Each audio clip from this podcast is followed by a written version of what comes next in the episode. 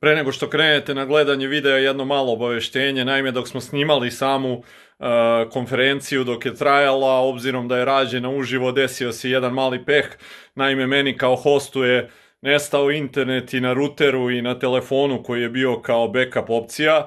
Jednostavno nekad uh, kad radite uživo ovakve stvari ne možete baš sve da predvidite, čak nekad ni sa backup planom. Tako da je nažalost video Uh, fali jedan deo sa početka i fali deo sa samog kraja.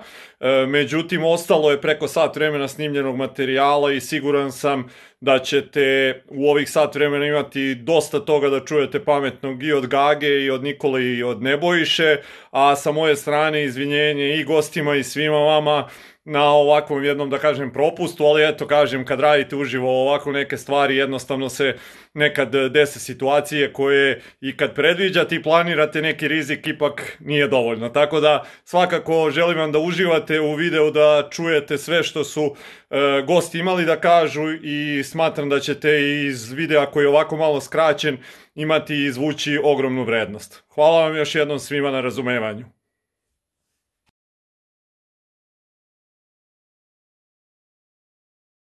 I ponekad prođe nekoliko meseci da pozovem prijateljicu iz New Delhija ili uh, kolegu iz LA-a ili ne znam, prilično bliske prijatelje koje imamo u Italiji, a sada nekako je to manje više na dnevnoj osnovi gde se prečekiramo, čujemo, um, intenzivnije radim sa, sa ljudima sa kojima imam mentorske programe jer nekako imam više vremena. I ono što je najlepše, stižem da, da pročitam gomilu nekih knjiga, beležaka, da pregledam gomilu nekih videa koje sam stavila u Watch Later. To Watch Later treba da me neko da me limitira, da kaže, gospođo, stavila si Watch Later, kaži kad je to later. Je to toliko nakupilo da otišla neki dan na YouTube da pogledam to, bilo ono kao ovaj video više ne postoje, one postoje, o gospođo, drugi je vek, znaš. Tako da, eto, sad uspevam da se svim tim pozabavim i, i zaista uživam što se tiče nekog poslovnog dela većina klijenata sa kojima sam radila i mreža u kojima učestvujem su kao na kraju krajeva i ti i tvoj network aktivni na ovaj ili onaj način, što znači da u principu ima se i posle aktivnosti da se popuni čitav dan. Eto. Okay. Super, hvala ti za ove prve neke uh, utiske, Nikola. Uh, pre nego što tebi samo postavim pitanje, izvinjam se, jedna informacija za sve koji budu želeli, imate uh, opciju Q&A i chata. Dakle, na Q&A-u možete postaviti neka pitanja za, za današnje paneliste, pa ćemo se mi potruditi da ih uh, odgovorimo e, na njih. E, Niđo, kako kod tebe ovaj, u firmi sve ovo izgleda?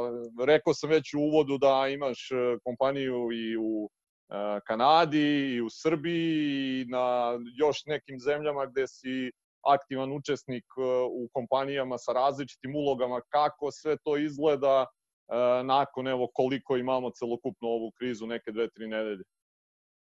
E, pa pre svega hvala i tebi na, na pozivu u ovu emisiju i još jednom hvala veliko za, za stvari koje radiš i sa ja preduzetnim grupom i sa svim ostalim grupama i seminarima koje održavate. E, mislim ti ceo tvoj tim, u, pogotovo u ovim nekim kriznim vremenima. E, posle Gage uglavnom ono ostane čovjek bez teksta, tako da ja ne znam šta bih mogao da kažem, pa da zvučim dobro, da zvučim dobro ali e, činjenično stanje je da, da IT sektor će možda najmanje da pretrpi, e, da kažem, taj ceo udarac iz više razloga, jer je kultura celog IT sektora e, napravljena na taj način da da, da su već neki ljudi navikli da rade odakle god da se nalaze na ovom svetu. Svi znamo da postoje digitalni nomadi koji putuju širom sveta i, i rade odande.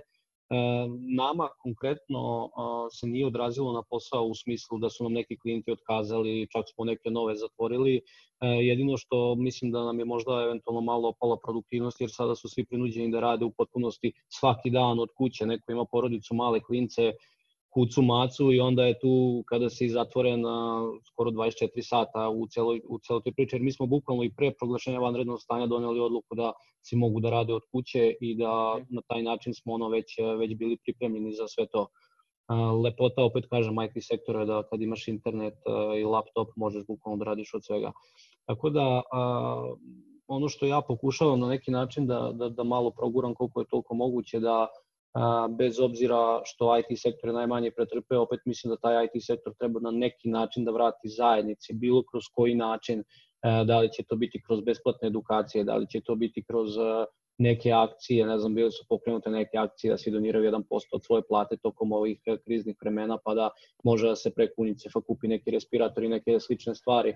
Tako da, a, i opet mislim, moje lično mišljenje da će najmanje uticati. Ono što na nekom globalnom nivou informacije koje sam dobio od nekih venture capital fondova i nekih drugih investitora jesu da a, svi koji su recimo da kažem u zadnjih 3 4 5 meseci potpisali neki MOU i odnosno ili već potpisali za neke investicije da rade uglavnom repricing tih startupa u koje su investirali, e, pokušavaju da dogovore neku novu valuaciju i, ili neki čak povlače svoj kapital da bi uložili u neke kompanije koje su pre toga, za koji, čiji mi kapital pre toga potreban.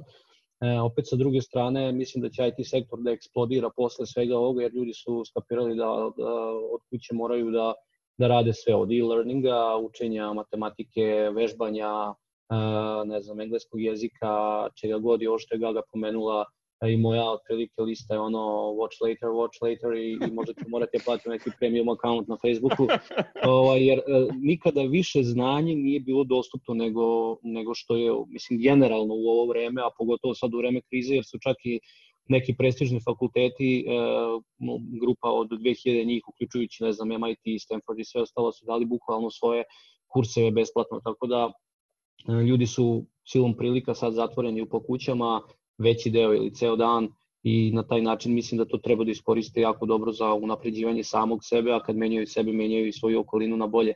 Mm. Tako da, a, eto, to, to je neki globalni, generalni, generalni stav, vidjet ćemo gde će to odvesti u narednih meseci do kraja ove godine, pošto sad sve mislim da će teže biti reizovati bilo kakve novce za, za neke startupe, a, a u isto vreme oni startupi koji sad imaju, čija je popularnost porasla, kao što sam rekao, recimo taj e-learning i neke druge stvari, mislim da će se tu investitori fokusirati na neke od tih grana.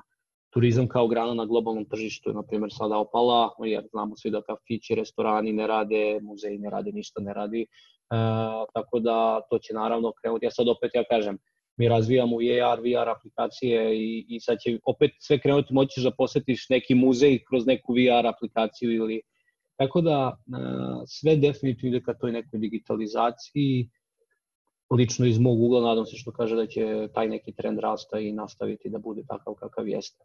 A kažem, IT sektor kao IT sektor mislim da je najbolje pripremljen od svega ovoga, jedino što mi je žao što prave neke proizvodnje i, i sve ostalo će najviše da, da, da trpe. Da, da. E, Gago, spomenula si već ono ovaj, da si imala tu nezgodu i da te ona na neki način pripremila. I sad je zanimljiva recimo i ta perspektiva koju ti imaš u, u, u svemu ovome e, i koja na neki način e, je jako važna. E, većina ljudi gleda na, na ovo onako možda kataklizmično i kao e, nešto jako loše što nam se dešava, Međutim, ako sad, eto, ti e, tvoju perspektivu i uopšte svako od nas tu perspektivu bare može da prilagodi ovaj e, svakoj situaciji, koliko je važna ta perspektiva uopšte i kako se ti trudiš recimo sad na osnovu i tog iskustva koje si imala, e, da gledaš na celu situaciju i kako je tvoje neko, recimo, ajde da kažemo savet, za sve one koji nas prate kako bi trebali da gledaju na sve ovo što nam se dešava i na ono što će doći nakon ovoga? Um, znaš kako, imala sam vremena da razmišljam, a i generalno sam od ljudi koji promišljaju. Trudim se da brojne stvari koje mi se dogode, a koje ostave jak utisak na mene, ali ne samo negativne, već i pozitivne, da o njima malo promislim da ih nekako, da tako kažem, proživim, da ih osvestim, da probam da razmislim o tome kako sam se ponašala, šta je tu dovelo, da li me to promenilo, da li bih nešto uradila drugačije. Naravno, nemamo vremena to da radimo za sve, ali e, primjer radi najmanje jednom godišnje, to je meni pred kraj godine, ja se presaberem vezano za brojne stvari koje su mi se dogodile u toj godini E, i napravim nekakav plan e, aktivnosti i ciljeva za različite uloge koje lično ja imam u životu, e, koje želim da ostvarim u narednoj godini. Pošto ja nisam samo konsultantkinja, ja nisam samo mama, ja nisam samo mhm. partnerka, prijateljica. Dakle, puno je uloga koje imamo u životu i najčešće smo fokusirani na onu koja je trenutno, da tako kažemo, goruća. Ali to ne znači da je ona najvažnija. Ne znači ni da je bilo koja od svih uloga koje imamo najvažnije, možda su sve jednako važne. Ono što mi ne uspevamo je da postavimo adekvatne ciljeve pa da svaka dobije fokus i vreme u pravom trenutku, da tako kažem. I onda, I onda sagledam i gde sam, svake godine se trudim da budem makar malo bolja u svakoj tih uloga i da nekako pomerim uh, tu neku granicu sama za sebe. To nisu stvari koje ja radim ni izbog koga, niti me iko pita, šta više, kad pričam sa suprugom, mislim, brojni ti moji izazovi u životu koje sam savladavala, onda on malo, malo kaže, pa dobro, mislim, jel dosta, i šta, mislim, šta sad ima još? Tako da imam zaista sve neke uh, razloge, da tako kažem, i da se umirim i da, i da ni ne postavljam sebi nekakve ciljeve, ali ja osjećam da kada idem napred, uh, da zapravo živim. To idem napred, ne moraju uvek da budu merljive neke bold stvari i, i to je opšta zamka. Ljudi smatraju da uh, je vredno pomena pa i truda samo ono što bi bilo opšte društveno prihvaćeno. Ma kakvi? Ono što je vama značajno, bilo da je da savladate veštinu, ne znam, orezivanja vinograda, što sam ja savladala pre 7-8 godina, ili da, ne znam, naučite novi jezik, uh, ili neka sasvim banalna stvar tipa da ono, ima mašinu za šivanje pa da naučim da pravi masku. Sve su to stvari u kojima svakoga dana uspete pomalo da impresionirate sebe a na kraju dana ništa drugo nije ni važno, jer ta, ta vrsta impresije koju ćete ostaviti, koja će vama da kaže, hej, ja vredim i još toliko toga mogu da dam, je nešto što će vas ispuniti zadovoljstvom. Ja u vezi s tim imam jednu interesantnu metaforu, posebno mnogi sjajni ljudi, među kojima ste sigurno vas dvojica i sigurno brojni uh, naši gledaoci danas, um, sjajni ljudi žele drugima da daju. Uh, znanje, iskustvo, kontakt, konkretnu pomoć i to vidimo i u vremenima krize, vidimo i u svakodnevnom životu. Ali istina je da možemo sebe da zamislimo kao bunar i da ako je taj bunar prazan, niko se iz njega neće napiti. I zaista moramo da ostavimo impresiju na sebe, da napunimo sebe uh, i zadovoljstvom i nadom i nekakvom ambicijom da bismo bili u stanju da zaista ponudimo drugima ono dobrog što imamo. I nakon svih tih iskustava koje sam imala, bilo je tu i stvari koje su i profesionalna razočarenja, i neugodne situacije, i, ne znam, krađe intelektualne svojine, i transformacije biznisa, i promene karijere, u privatnom životu. Mislim, ja sam dosta rano, evo vidim tu nas pozdravlja jedna mama tri E, troje dece iz e, e, malog agencijskog tima. Eto, ja sam to prošla, doduše majka sam dve čerke, ali sam ih rodila u relativno ranim sa 20-24, pa su i to bili veliki izazovi kako sve to postaviti. U privatnom nekom smislu suprug mi je imao jednu, jednu saobraćenu nezgodu, ovo što si ti spomenuo prošle godine, eto krajem avgusta ja sam, da, da ne bude onako question mark, polomila sam obe pete u jednoj nezgodi u liftu i operisala ih i tako mislim to, pravo je čudo da sad hodam, da treniram, da trčim, ali u svim tim situacijama uvek porazmislim o tome da li vreme koje sam dobila i izazov sa kojim sam se suočila je tu da nešto naučim, da malo podignem taj svoj bar, da pogledam stvari iz drugačijeg ugla koji nisam mogla da vidim na taj način dok nisam bila u toj situaciji. I sad najčešće promišljamo E, kad je nešto negativno pa se vajkamo i, i jadamo i to je sasvim legitimno, ali ne, ne mislim da imamo pravo da um, uzimamo kao kaznu bilo kakve nedaće, bile one eksterne ili interne, a da zdravo zagotavamo, prihvatamo svaki dan prepun pozitivnih stvari. Jer kao, dešava mi se, ide mi posao, dobijem nove klijente, imam super naplatu, voli me partner, i tu niko nikad ništa ne pita. To se mhm. podrazumeva se da nam se događaju dobre stvari u životu. Mhm. Pa podrazumeva se sve. Podrazumeva se da budemo suočeni sa izazovom, i sa nezgodama, da budemo suočeni sa represijom i sa pritiskom, da budemo suočeni sa ljubavlju i sa napretkom. Veština je da u svim tim situacijama damo najbolje od sebe sebi i ponudimo drugima kao nekakvu lekciju. I ako bih definisala krizu, ta moja kriza koju sam imala, ona je interna, a za mene je bila potpuno parališuća ništa drugačije nego ova eksterna. Mm. I mnoge firme i svi mi se suočamo sa takvim parališućim krizama ma, maltene svakodnevno. Uh, ono što sad delimo je da taj osjećaj zapravo imaš i ti, ima i moja koleginica iz, ne znam, Bangladora, uh, ima i Mare, ne znam, u Raškoj, ima i Nikola, imaju i ovi u Americi. Da li će to nešto da unapredi u smislu prevencije, pojma nemam, ali to je jedino što je novo. Mhm. Krize imamo i sa njima se suočavamo i one su stvarno prilika da pogledamo stvari malo drugačijim očima, da budemo mhm. sami drugačiji, da ne kažem bolji. Mm -hmm. Ok. E, Niđo, Gaga je sad spominjalo eto to koliko je važno i inače, ali pogotovo recimo u ovakvim nekim vremenima davati drugima i deliti to neko znanje. Ti si isto iskoristio pretpostavljam da, da, da nije bilo svega ovoga, ne znam da li bi ti tvoj raz, e, raspored dozvolio da tako nešto uradiš, ali si iskoristio isto ovu ovaj situaciju i pre nekog vremena, par dana, ja mislim samo da je prošlo, si imao i taj e, e webinar gde si podelio svoje znanje sa e, svima oko startapa i svega toga što radiš. Evo vidim i Nebojša nam se priključio. Nebojša, dobar dan ti želimo. Bravo. Evo Nikola samo da odgovori na pitance, pa e, krećemo i, i da od tebe čujemo neke utiske. Okay. Uh, pozdrav Nebojša, uh, drago mi da sam se priključio. Uh, sa jedne strane, uh, ja definitivno mislim da je ključ uh, uspeha bilo kog pojedinca ili bilo kog, kog biznisa ako na neki način vrati. Kada vrati zajednici, kada vrati svojim ljudima s kojima je okružen i uz pomoć kojih je uspeo da kako da se izrazim, da, da, da napravi možda sve te neke uspehe, to je definitivno ono što treba bude u prirodi svakog čoveka.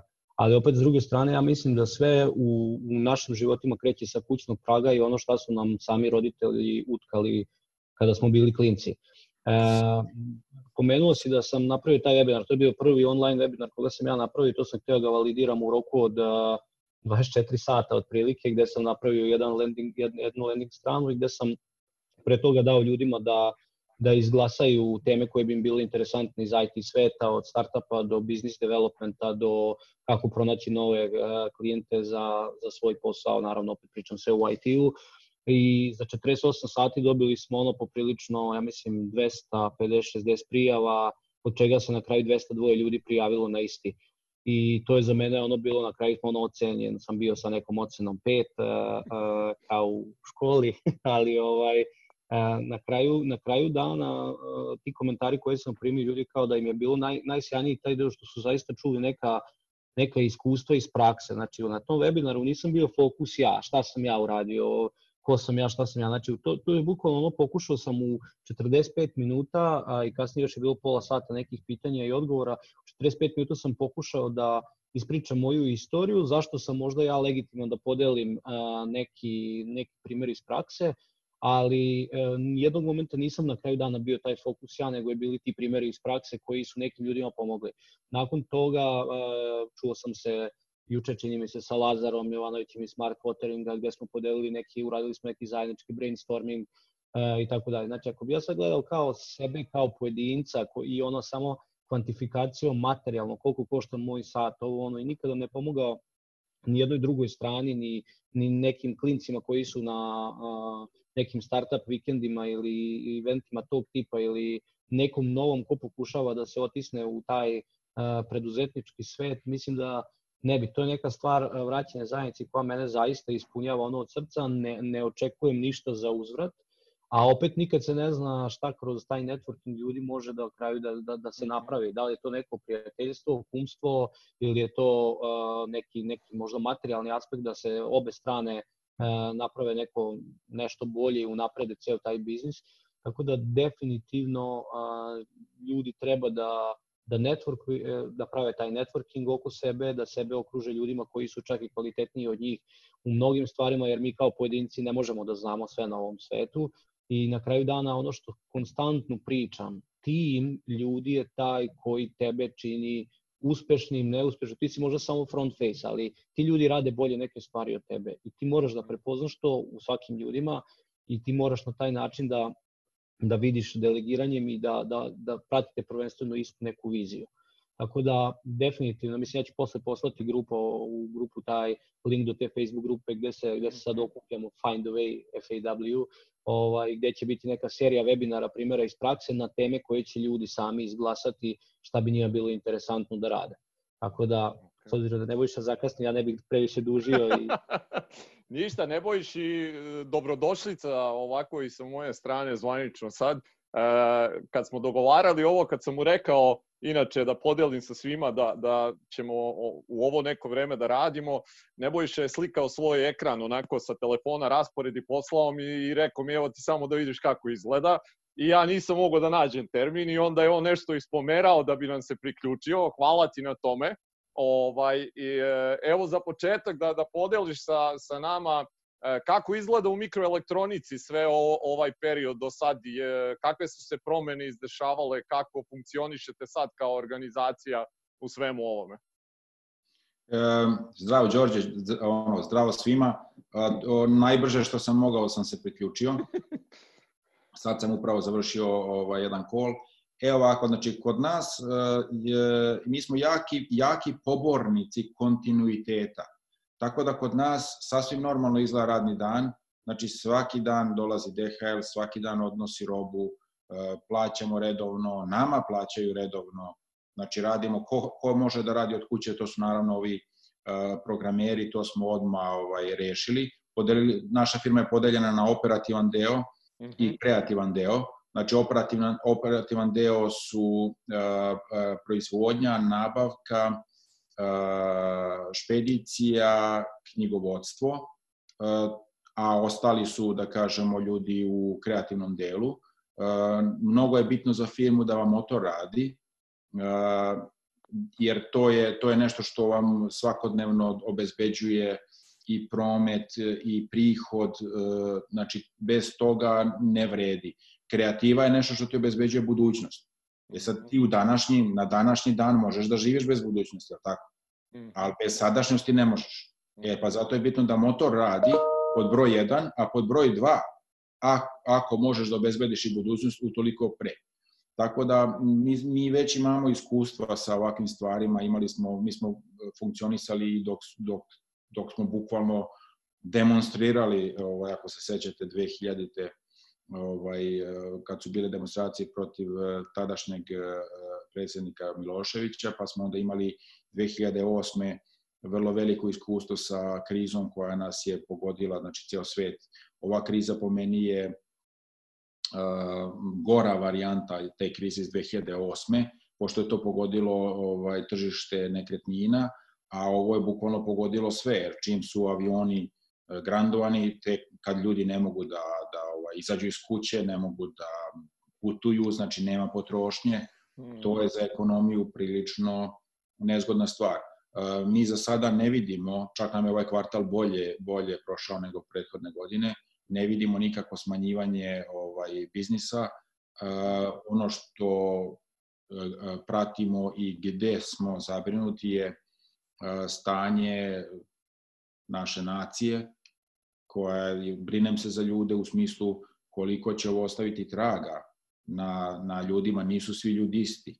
Neki ljudi mogu da podnesu više, neki mogu da podnesu manje, a znate i sami da je telo nešto što se troši, znači nije nešto što, tako da ovaj, taj deo me nako brine, jer iskreno ne treba, znači mi smo sad u nekom stanju, ali treba posmatrati uvek šta je iza svega ovoga a iza svega ovoga je normalan život i nastavak svega što si krenuo i čekate sve isto da uradiš šta, šta već nisi uradio. Mm -hmm. Tako da, baš sam se obratio s mojim, mojim kolegama ovde, jednom nedeljno napišem neki, neki mail kojim obja, obja, ono, obra, kako, pokažem im stanje u firmi, obratim im se na neki način. Uh, to su neke stvari koje redovno radim i baš sam im sad rekao da kad, kad si na brodu i kad ti je muka, jedina stvar koja se ne mrda je horizont. Znači, moraš da gledaš u horizont, inače će biti nezgodno.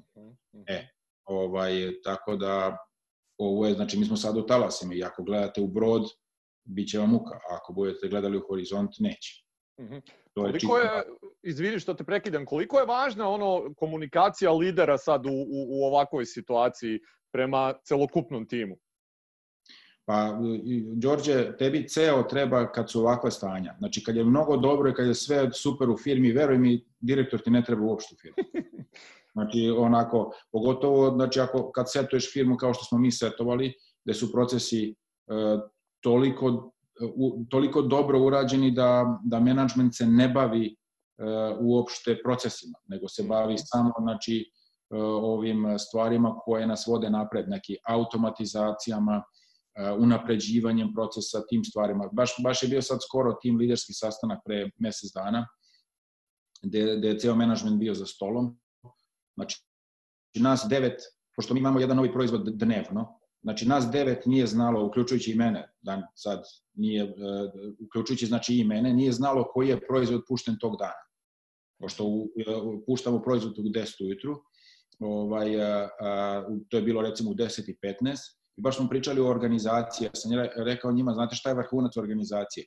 Pa kad ceo menadžment nema pojma koji je proizvod pušten u 10 ujutru.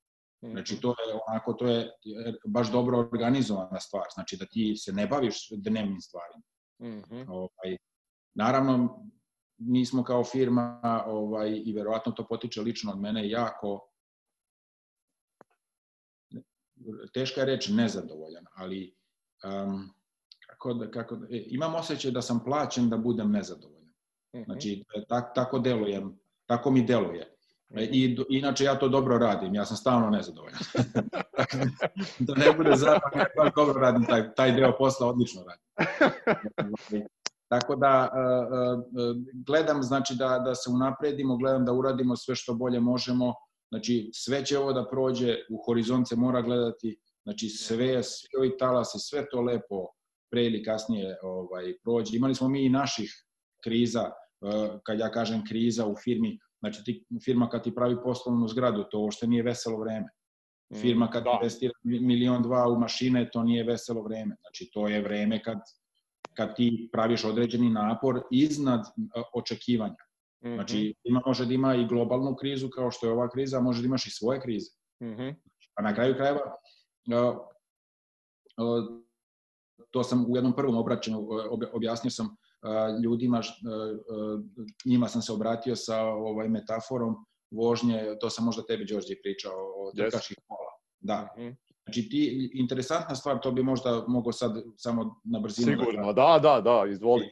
Ovaj kad vozio sam pravi trkački auto na Ascari stazi u u Španiji, znači baš onaj radikal sam vozio, onaj kao onaj Le Mans, ona, ona, one, mm -hmm gde vi recimo ulazite sa 250 na sat u krivinu koja je lakat krivina.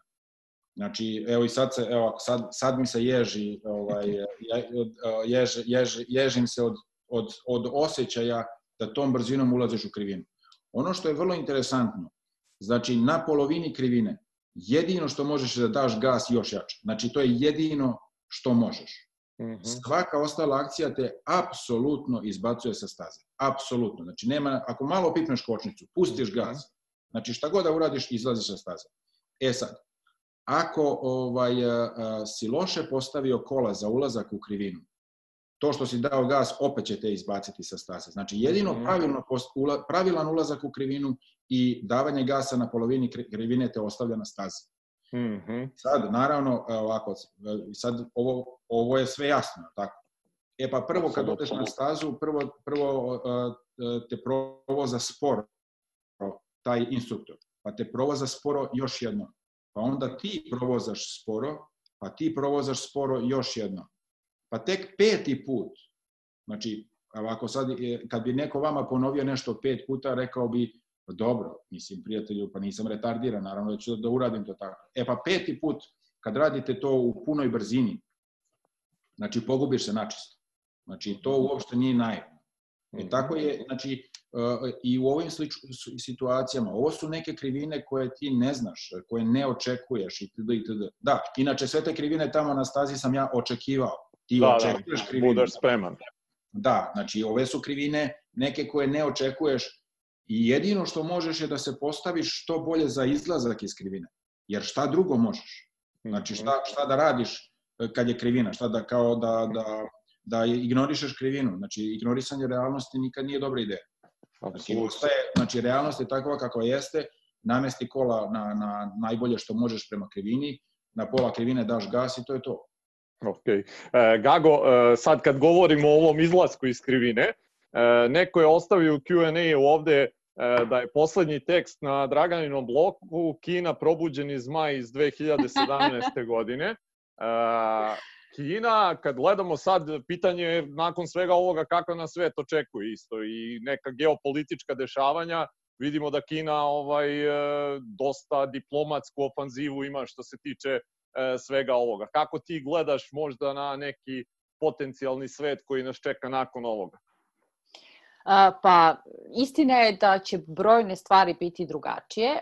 Nažalost, mnoge će ostati iste u smislu razumevanja potencijalnih rizika, problema, izazova, sistematske organizacije sinergije. Dakle, ovo što mi sad vidimo, Koni Džakovi za vreme poplava, sve to lepo, ali to su stvari koje nisu uh, sistematske, nisu planske, dakle ta sinergija, da, da tako kažem, ili solidarnost, kako je to poznato u narodu, su stvari koje u određenom smislu treba da se i sistematizuju u, u smislu komunikacije, protokola, procedure, efikasnosti. Dakle, mi, mi živimo u svetu koji ima različite E, etikete i naziva se ovakvim ili onakvim liberalnim, kapitalističkim, u tranziciji, u razvoju, sve to dekoracije i folklor. Suština je da je svet u kom živimo jedna velika adhokratija, to je moj, moj utisak, gde se najveći broj stvari događa ad hoc i tako se nekako prilagođamo, što nije nužno loše jer to i zahteva puno neke adaptacije i razvoja određene veštine,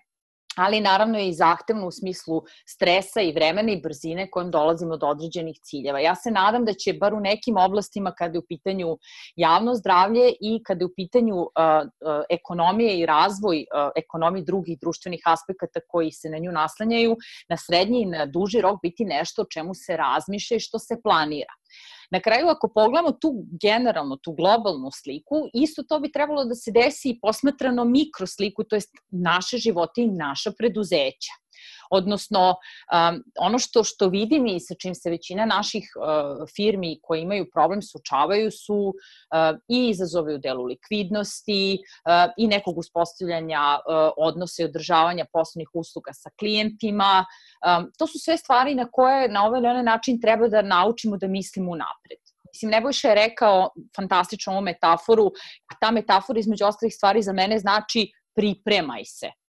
I koliko god da se pripremiš i čak kad očekuješ krivinu, e, desit će ti se nešto što, ili ćeš u najmanju ruku da se osjećaš tako kako, kako se nikada nisi, ali će ti biti malo lakše.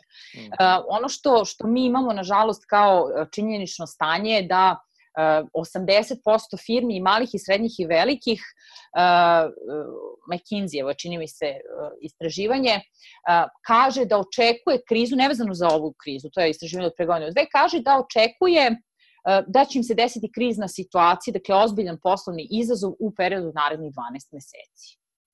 I sad ono što je, i, i naravno, mislim, kod same definicije šta je krizna situacija u smislu poslovnog izazova, delimo je na te eksterne i interne, jasno vam je ova eksterna, nemamo nikakve veze s tim, nismo na to uticali, ali imamo brojne interne krizne situacije koje se događaju firmama i, i Nebojša ih je spomenuo što kod nekih inovacija i razvoja, što primjer radi kontraverze u vezi sa poslovanjem, otpuštanje radnika, logistički izazovi, tehnički problemi. Dakle, to su stvari s kojima mi živimo.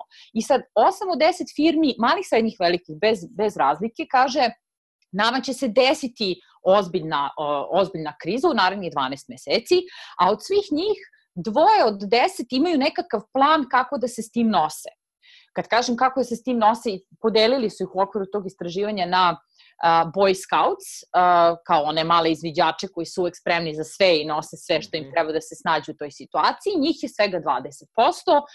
To su one firme koje imaju i rezervni backup plan za likvidnost za određeni period, imaju procedure za reagovanje u različitim kriznim situacijama, bilo su one eksterne, bilo da su interne, imaju simulacije, odnosno potencijalna scenarija različitih kriznih situacija. Pazite, nema razlike između male, srednje, velike firme u delu preživljavanja u različitim delovima sveta kada je država potpuno paralisana kao što je primjer radi naš slučaj. Znači, šta ti sam možeš da uradiš da negde u delu likvidnosti, u delu pripreme i simulacije odredi. I to, to, takvih je svega 2 od, 2 od 10 firme. Onda imamo 45% firmi koje su nekad nekako u nekoj meri razmišljale o potencijalnom problemu. Znači njima je prošlo kroz glavu da može da se desi, ne znam, ili problem na, na proizvodnoj traci ili u logistici ili da će taj njihov gazda koji je takav kakav je završiti u novinama, ali ništa s tim u vezi nisu uradili. I 35% onih koji se zovu NOI firme i nažalost stvarno, stvarno ih znam dosta, koje urede ovo malo pre smo Đođe ti ja pričali o tome, stave ruku kao deca od tri godine i kao to što ja sad ne vidim ceo svet, znači da ceo svet mene ne vidi. I njihovi odgovori su ne, mi se ne pripremamo prosto zato što, ovo će vam zvučati poznato, to ne može nama da se desi ili jako je mala šansa da se to nama desi. Drugi odgovor je, ali ako se to nama čak i desi, sama priprema, planiranje, vreme, novac, resursi, znanje koji su nam potrebni da se pripremimo nisu vredni truda. Ali činjenice su drugačije. Ovi Boy Scouts i svi oni koji promišljaju, koji se pripremaju, koliko je to moguće?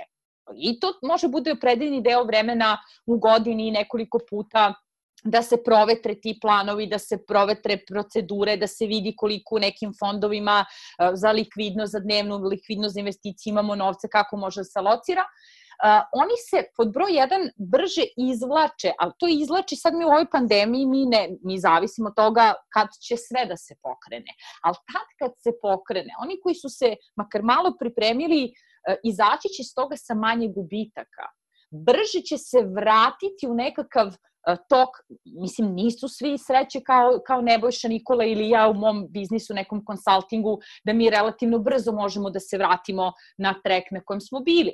Znači, ovi sa pripremom se brže vrate, gubici su manji i to iskustvo te krize, bila ona interna ili eksterna, im još dodatno pomaže da se snađu uh, u budućim situacijama koje će se događati i tako dalje. Meni je jednostavno neshvatljivo zašto se ne pripremamo pa evo čovek hoće da vozi sportski auto pa odradi trening, e, mislim, na, na, na sto načina možemo da provetrimo neke potencijalne ideje i scenarije, ali taj osjećaj da jednostavno nama nešto ne može da se desi i kad se desi da su svi za to krivi i posledice toga, mislim da bi morali malo da porazmislimo o tome koliko zaista odgovorno vodimo sobstvene biznise, se spremimo za različite krize, bile one interne ili eksterne. Mm -hmm. Mislim da generalno e, nama tu to neko planiranje kao naciji fali. Mi smo super improvizatori, jer nas je nekako i naterala celokupna ova situacija u kojoj živimo zadnjih 30, 40 ili koliko već godina. Ovaj, I to može da bude onako kao neki šlag na tortu da nas odvoji od, od, od ostatka, ali ipak taj sam fiksni deo da ono kako je Bojan Leković jednom rekao, ne možeš bre autoput da improvizuješ, znači treba ti neki plan. Ovaj, e, Niđo, zanima me kako kod tebe, ovaj, šta su tebi bili neki izazovi sad e, e, u samoj situaciji kao lideru i kako tvoj dan sad izgleda, je li ima više obaveza ili manje? Uh, pa da se nadovežem na ove prethodne na, na stvari, znači definitivno ono što isto često govorim da da u poslednjih nekoliko godina ja, ja bukvalno ono živim život što kaže if everything seems under control, you're not going fast enough od Marija Andretija. Znači, ako sve držiš pod kontrolom, znači da se ne krećeš dovoljno brzo i to je nešto što čovjek ne može u svom biznisu da drži sve pod kontrolom, a, jer to, to možda možeš posle 15-20 godina kad ustališ procese i tako dalje, ali opet IT sektor je nešto što, što živi jako brzo, tehnologije se menjaju bukvalno na dnevnom, nedeljnom nivou i na samim tim moraš uvek da pratiš i da budeš korak sa istim. E, paralelno sa tim, e, sada u nekoj ovoj situaciji, e, ja mogu da kažem da e, to su slatke muke, pošto sad kad sam zatvoren kući, onda ono, tu su mi uglavnom klinci, jako su mali još uvek, ono, 4 2 godine i onda sa njima pokušavam, to mi je najveći izazov kako da da budem produktivan, jer iskreno moja produktivnost je opala siguran sam za nekih 50% minimum, jer, e, a sad me kompanija, na primer, najviše treba.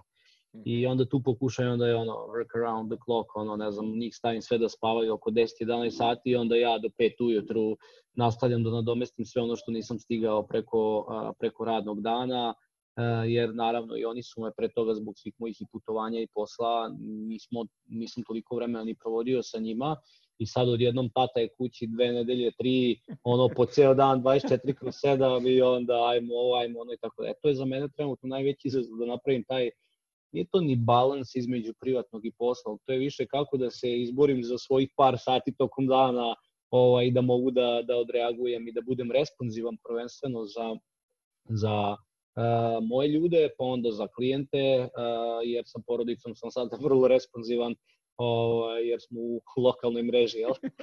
Tako da, ovaj, uh, to, to je što se toga tiče. Što se tiče nekih drugih stvari, kažem kao neke izazove koje, uh, koje vidim su uh, identična replikovana situacija mene kao pojedinca, da koja može da se replikuje apsolutno na, na moje ljude i na taj način niko nema onda tu mogućnost 100% ok, onaj ko živi sam, on može da radi, njemu je verovatno isto da li radi iz kancelarije ili radi iz, ili radi iz kuće, to je jedna stvar. A sa druge strane, neko ko ima porodicu, malu decu, imamo i situacije gde ima dvoje dece, žena trudna u 8. 9. mesecu, koliko, mislim, hvala Bogu da je tako, ali ono, koliko sada e, tačno sad i onda i oni isto 16 sati na dan rade, jer verovatno su 8 sati tu da, da pomognu ženi, pa onda oko dece, pa ovo ponovno i onda ja, tu sad ja verujem da nam dolazi taj neki teži period narednih e, nekoliko a, meseci, definitivno dok se to sve ne vrati u neku normalu. Mm -hmm. Što se tiče nekih izazova sa klijentima, za sada, kao što sam rekao na početku, nismo ih imali, sve ide kako treba. Ja kažem, jedina stvar što je mene lično plašila, ali uopšte, mislim, za sada vreme ne pokazuje da, da, da sam u pravu, što je odlično. Ja sam mislio, znači niko nam neće otkazati projekt, jer si ili na već zagazi u te projekte i tako dalje, njima oni trebaju završeni, ali jedino što sam mislio će možda doći do kašnjenja nekih plaćanja, a, a troškovi su nam ono katastrofa na mesečnom nivou i, i to je ono što je mene, na primer, e, brinulo na neki način. I međutim, evo, kao što sam rekao, u praksi se za sad ovih bar dve, tri nedelje nije ništa pokazalo. Nismo išli na neka otpuštanja ljudi, nismo išli na neka smanjivanje nekih plata, nismo išli ništa na to. Ono, pravimo se da, da, da je sve normalno i pokušavamo dalje da, da, da isporučimo neke sjajne proizvode koji su ono visokog kvaliteta za naše klijente. Okay. Tako da, eto, to je, to je neki, neki mojih problemi u momentu. E, Nebojša, reci mi, ovaj, e, Nikola je spomenuo sad tu neki svoj pad produktivnosti. E, kako izgleda kod tebe, recimo, ili tvojih ljudi sad usporedba sa ovim nekim vremenom, da kažem, pre korone i posle, mada si rekao da vi onako gurate to dalje ovaj, i dalje ste u tom nekom tempu jednog proizvoda dnevno. zanima me to i zanima me, pošto je Nikola evo baš spomenuo ono što što je većini kompanija izazov u ovom trenutku ukoliko nemaju normalno poslovanje e, je naravno troškovi plate radnika i sve to. Država je najavila neki paket mera, pa me zanima ako možeš eto malo da se osvrneš i na to ako si imao prilike da pogledaš kako ti sve to izgleda.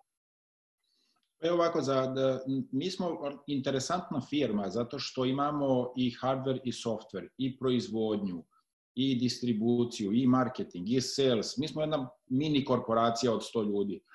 Ovaj, nama je, znači, ključna stvar je da nam radi opet motor taj. Kina, Kina bez problema isporučuje sve stvari, jer mi, isporu, mi pravimo jedan proizvod dnevno, ali um, to znači da ćemo ga praviti i u maju, i u junu, i u julu, a ako ne budemo sad kreirali taj proizvod, mi ga nećemo moći praviti u junu. Je tako? Mm -hmm. Mm. Tako da sad moje pitanje, evo baš sam saslušao Nikolu i razumem ga u potpunosti što je rekao da je 50% uh, manje produktivan.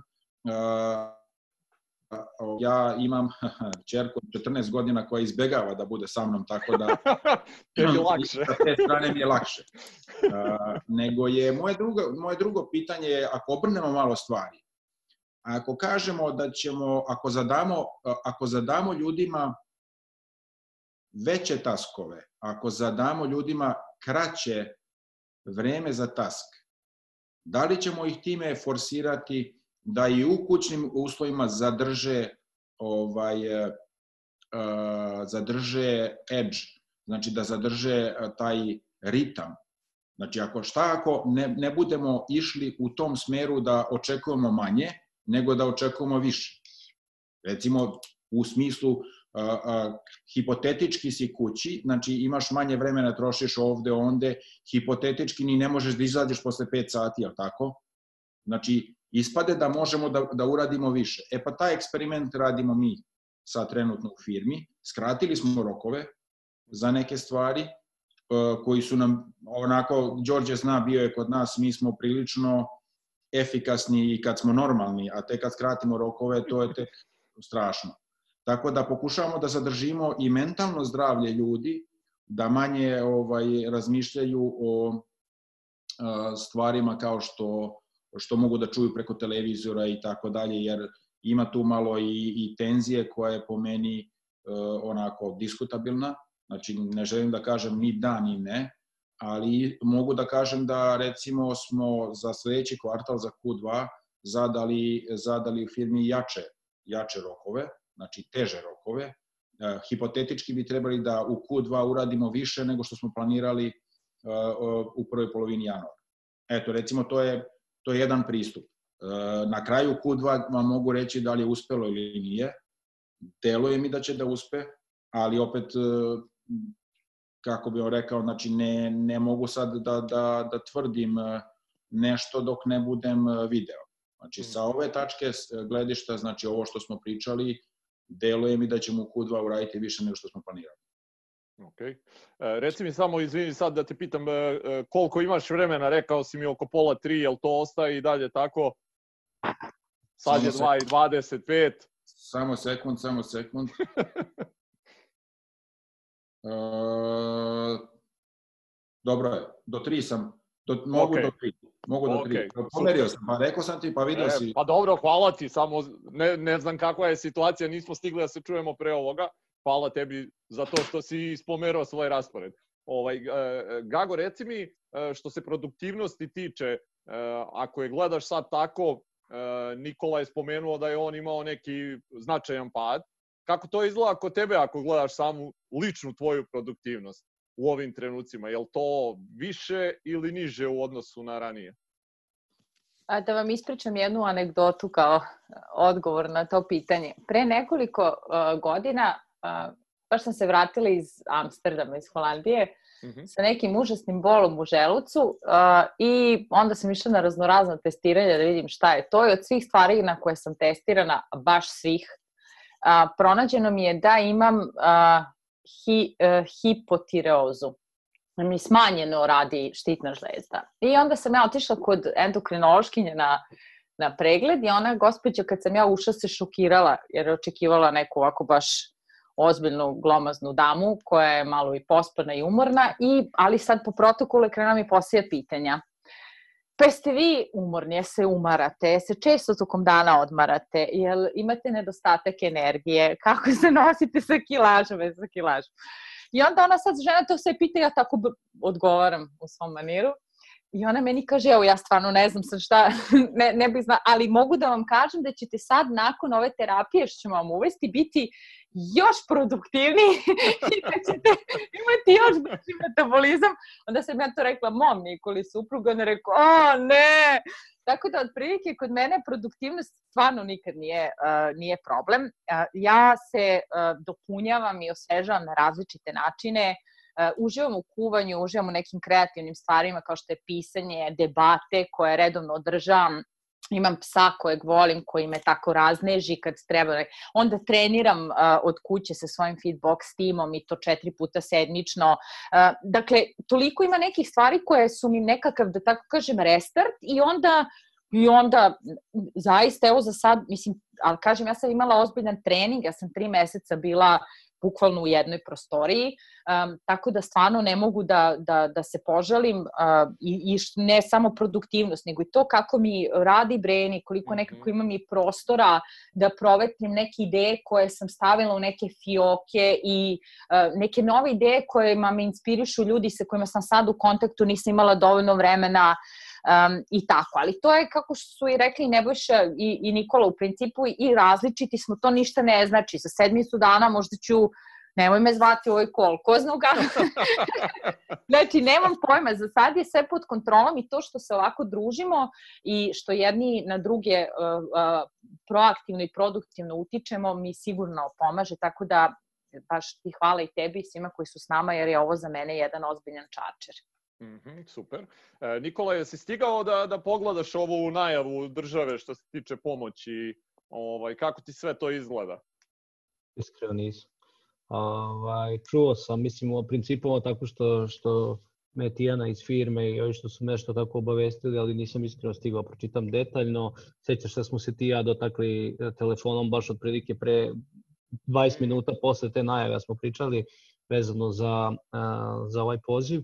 Tako da nisam stigao iskreno, otprilike znam ovaj, šta su rekli, međutim ja verujem da uvek treba od donošenja mere bar dve nedelje ili desetak dana da se to zvanično isprovede i da vidimo onda šta će biti i to je to. Tako da mislim, okay. iskreno znam kako su neke druge zemlje uradile, recimo mislim da su u Kanadi 2 triliona, znači 2000 milijardi odvojili za podršku uh, različitim biznisima, malim, srednjim, velikim. E, mislim da je u Švajcarskoj, sad, sad zaboravio sam iskreno cifru, nekoliko desetina milijardi isto na 8 miliona stanovnika koliko ima Švajcarska.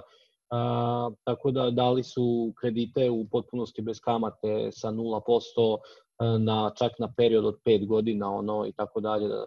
Znači bukvalno svaka zemlja je na neki način uvela neke određene mere. E, ono što sam ja načuo, znači ako zaista tako bude da će se neće se morati plaćati porezi i doprinosi na mislim kod nas u IT sektoru su plate poprilično visoke i za sve te inženjere i ono ja mislim da sam ja računao ako sad ne bi plaćao poreze i doprinose na primjer na ne znam, na mesečno ono, 22-3 hiljade evra, na primjer, ja mislim da je, da je iznos samo za poreze i doprinose na nekom mesečnom nivou. Ovaj, pa sad puta x meseci, naravno ti ćeš to platiti u jednom momentu, ako se ne varam, rekli su 2021.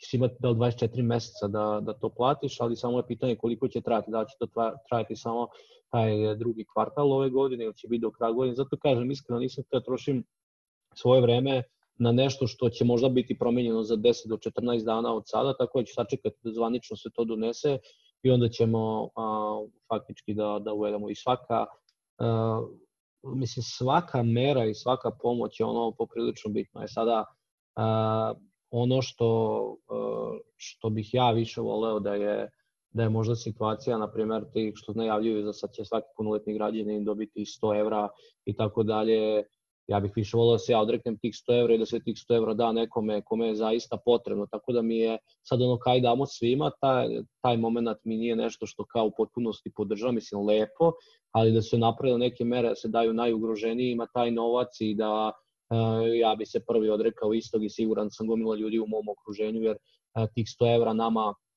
ne, ne znači dok tih 100 evra zaista ugroženim ljudima uh, znači puno i Mislim, uvek ti možeš da daš, dobiješ tih 100 evra i da ih doniraš, ali ću kažem da. da, da se to uradilo po nekom da, drugačijem uh, algoritmu, mislim da bi možda bilo malko, malko efikasnije. Što se tiče ovih kompanija, to, to ono što sam načuo mi je ono, skroz ok, sad samo vidjet ćemo šta će praksa pokazati zapravo i u, u naredne dve nedelje kada se to zvanično i donese. Uh mhm. -huh.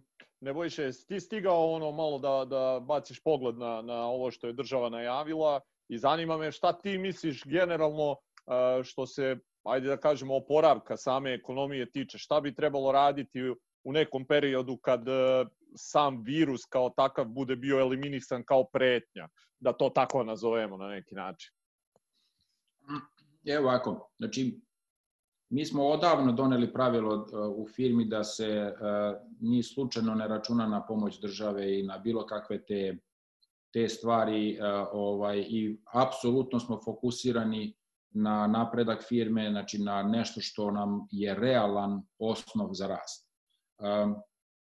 Bilo koja mera koju je država donela ili nije donela, ja ne znam za nju. Nama juče bila plata koji svakog prvog sve se plaća normalno, znači nema, nema ničega drugačijeg. Ono što je što mislim čuo sam kako da kažem ono nisam se baš bavio time ovaj ovo što je Nikola rekao plaćanje doprinosa Ovako realno, ako već nešto mora se plati, onda mi je svejedno da li sam ga platio sad ili sutra ili prekustra i tako dalje. Znači, koliko sam ja razumeo iz cele ove priče, mi ćemo da se zadužimo, je tako, negde, i to ćemo opet da vratimo. Mi ćemo da damo te pare da li svakom čoveku ili ne. Znači, mi ćemo da uradimo šta god da uradimo, u principu država se ne odriče ničega, jer država ne može da se odrekne ni, ničega. Prosto država je onaj porez koji plaćamo. Znači, ako ne platimo porez jedan mesec, nećemo imati državu taj mesec, sledeći mesec ili tako nekako. Znači, moramo, moramo i mi biti malo realni ljudi, ovaj, gde smo, šta možemo da, da očekujemo i, i tako dalje. Znači, niti su ljudi krivi za ovaj virus, pa ne verujem ni da je država kriva za ovaj virus. Ono što je najbitnije da razmišljamo gde ćemo i šta ćemo. Oni ljudi koji su stvarno pogođeni su ti ljudi koji imaju restoran, ljudi koji imaju te male biznise koji jako teško opstaju. Znači, što je logično, evo, šta god da i kako god, neka si ti frizer, ali ti plaćaš neki zakup tog lokala, da li će taj koji ti daje taj lokal da se odrekne tog zakupa za tih mesec, dva, tri. Znači, mislim da mnogo više možemo da pomognemo sami sebi, između sebe, nego što ćemo da pomognemo odlaganjem bilo kakvih stvari. Znači, čak i, e, evo, Nikola je rekao da e, to za odlaganje svih tih poreza i doprinosa, ali će opet doći na naplatu. Tačno je da ćemo biti lakše sad u slučaju da njemu klijent nešto ne plati i tako dalje. Ali ja mislim da je mnogo veći fair odnos da se, to, da se sve to što koriguje kroz plate. Znači, ako smo u problemu, svi smo u problemu. Znači, i država u problemu, i firme u problemu, i zaposleni u problemu. Znači, ne može da bude, znači, zaposleni je dobio sve svoje, a, a onda je Nikola u problemu da u januaru e, plati dodatni, e, e, dodatni novac za ove doprinose ili tako dalje. Ko zna kako ćemo posao ići u januaru, možda će ići gore nego sad. Znači, mislim da, da te neke, neke, to ne kažem ja da ja nisam pesimista nikad, naravno da ne mislim tako, ali mislim da malo ovaj ovo sve što sam čuo iz celog sveta, znači odnekle se pojave ti, ti trilioni i tako dalje, a onda pričam sa mojim cimerom koji mi kaže da mu je penzioni fond izgubio 55.000 dolara. Pričam sa mojim prijateljem Ivanom koji kaže njegov penzioni fond, fond izgubio 65.000 dolara. Pa ti, te hiljade dolara mogu biti, koje dobijamo sad, možda su to njihove, njihove pare, jer više sad to, oni su uplaćivali taj penzioni fond i sad tih para nema. Znači, ako su od nekle pare nestale, um, pare su kao energija. Pretvara se iz jednog oblika u drugi, ne može da nestane. Da, da, da. da, e, da. tako, znači, one nestanu na jednoj strani, pojave se na drugoj strani. Mm -hmm, tako da, okay. Više sam da se fokusiramo na to šta možemo između sami sebe da, da uradimo. Mm -hmm. okay. Tako, Gago, ne verujem i taj, taj lokal u tom sviđu. E. Da. Ukratko, znači, to, to, je, to sam htio da kažem. Okay. Gago, šta bi tvoj neki savet bio, ovo što je Nebojša sad spomenuo, e, verovatno neka najugroženija kategorija u ovom trenutku su ti uh, mali preduzetnici, da to tako nazovemo, frizeri, uh, restorani i sve te neke ovaj kompanije koje, mislim kompanije, ajde, preduzetničke radnje, da to tako nazovemo, koje u principu i ne mogu da rade, zatvoreni su, šta bi oni recimo mogli da urade u ovom trenutku, kako da prebrode sve ovo? Pa uh, ja, ja ću vam reći šta, šta sam ja smislila da, da uradim. Pa sad možda nekome to bude inspiracija, nije originalna ideja, negde sam u nekoj formi to uh, pročitala u nekoj od ovih grupa i tako dalje. A to je, danas sam namerila da saberem koliko novca trošim na te razne servisne usluge od malih preduzetnika i preduzetnica čije usluge i proizvode koristim um, jer otprilike imam neku računicu i da svim tim ljudima, što je nekih desetak, da tako kažem, od moje frizerke, pa ne znam, do um, ove ženice iz, iz Beče od koje kupim kozmetiku redovno organsku, uh, da im unapred uplatim za nekakav period koji će doći, o kojem ćemo se kasnije negde uh, dogovarati, uh, jer u principu to, ja, ja sam protiv uh, svih tih helikopterskih mera uh, i imam vrlo specifičan stvar, stavi do charity-a i nevladinih organizacija i tako. Generalno smatram da sve treba da bude E, uzročno posledično i da ne treba da se učimo da budemo debili, osim stvarno u situacijama u kojima je potrebna pomoć kada se radi o nekim katastrofama i tako dalje. Pa ne bi bilo loše prosto i svako od nas pomisli o to, razmisli o tome kako može nekom ko je u njegovoj najbližoj uh, okolini, a ko je preduzetnik, da pomogne sada ili u narednih mesec dana malo za unapred, da tako kažem. Jer uh, nisu to neke velike stvari, a ta vrsta solidarnosti može mnogo da znači. Nisu svi, nažalost, u situaciji da pokrivaju svoje uh, dnevne, mesečne troškove i obaveze oko likvidnosti uh, mesecima kao neki drugi. Um, I na kraju to će sve da se kompenzuje, jer će ono što možemo da očekujemo da će se desi je da nakon ove izolacije uh, dođe do nekog prividnog kratkotrajnog buma, gde će ljudi da se opusti, pokušaće da kompenzuju i nadoknade sve što su propustili. Onda će drugi talas da bude suočavanje sa realnošću da realno mnogi će osetiti posledice, pa ćemo opet reterirati. Mislim, to su tipične faze u, u svakoj, da tako kažem, ekonomskoj krizi koja je rezultat zdravstvene ili bilo koje druge. Tako da biće to turbulentno vreme i ono će trajati uh, 6 meseci do 18 meseci, možda i dužu, u zavisnosti od potentnosti same države.